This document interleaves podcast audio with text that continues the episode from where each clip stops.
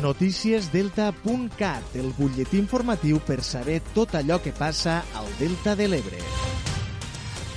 Temps ara per ocupar-nos de l'actualitat del Delta de l'Ebre. La Universitat Politècnica de Catalunya i l'IRTA estudien com s'hauria d'actuar davant de possibles episodis de contaminació que afectarien el cultiu de moluscos a les badies del Delta de l'Ebre. La prova es va donar a conèixer ahir en una jornada de transferència tecnològica del programa de seguiment de la qualitat de les aigües a les badies del Delta. Ens ho explica la companya Diana Mar. La Universitat Politècnica i l'IRTA estan estudiant els corrents de les badies del Delta de l'Ebre per saber com s'hauria d'actuar davant possibles episodis de contaminació que afectarien els conreus dels moluscos, com l'arribada de pesticides dels arrossars.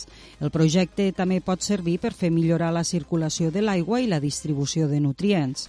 Per fer-ho aboquen un colorant inocu a diferents èpoques i també tenen unes sondes fixes que mesuren el corrent de l'aigua.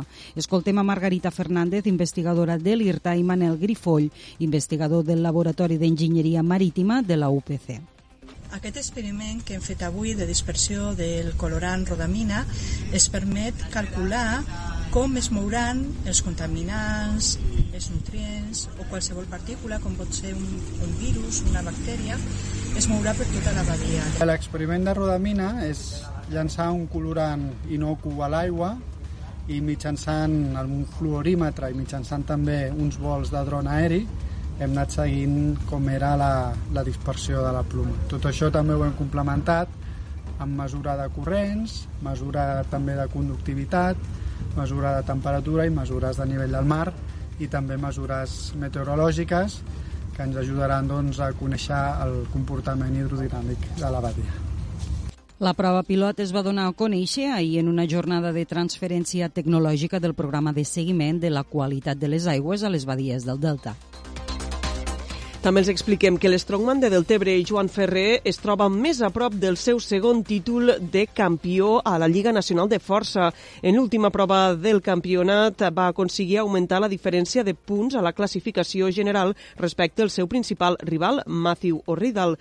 Ferrer va guanyar doncs, el tercer torneig de la Lliga Nacional de Força 2022. Ara l'atleta del Tebrenc es troba al capdavant de la classificació general amb un total de 106 punts, seguit de, seguit de Matthew O'Reidal amb 92 punts i com a rival més directe. Cal dir que el títol del 2022 es decidirà en el quart i l'últim torneig que es disputarà, atenció, el pròxim dissabte 28 de gener al Centre Esportiu del Delta a Deltebre. Joan Ferrer, per tant, que s'ho jugarà tot a casa.